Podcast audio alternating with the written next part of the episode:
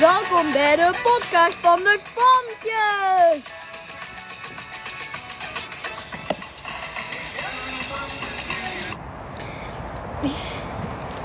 En vandaag eh, gaat het uh, onze podcast eh, over de, de bedreiging van de ijsbeer.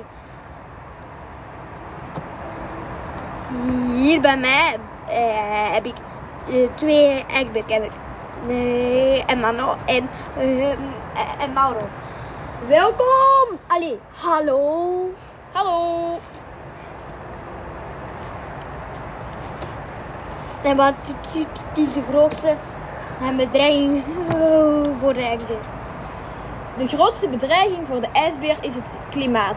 Door de temperatuurstijging smelt het zeeijs in rap tempo.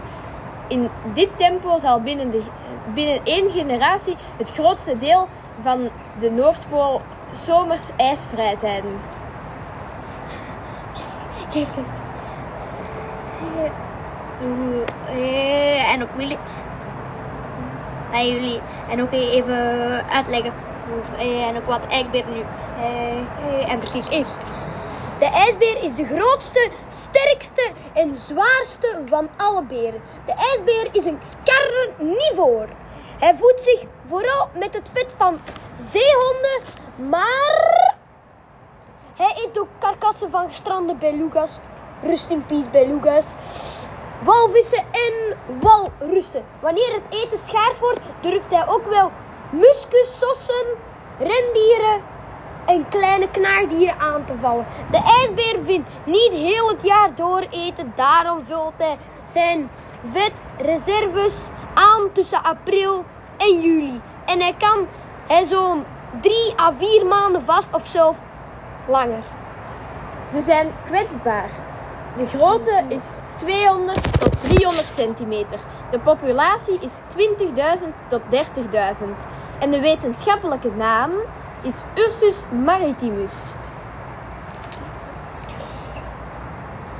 Het, allee, wacht. Gewicht 350 tot 700 kilogram. Ze liggen, allee, ze floepsen in plaats van liggen. 1 tot 3 welpjes elke 4 tot 5 jaar. Gebied, het, allee, het gebied is de Noordpool. De habitat is pakijs. Wat is pakijs?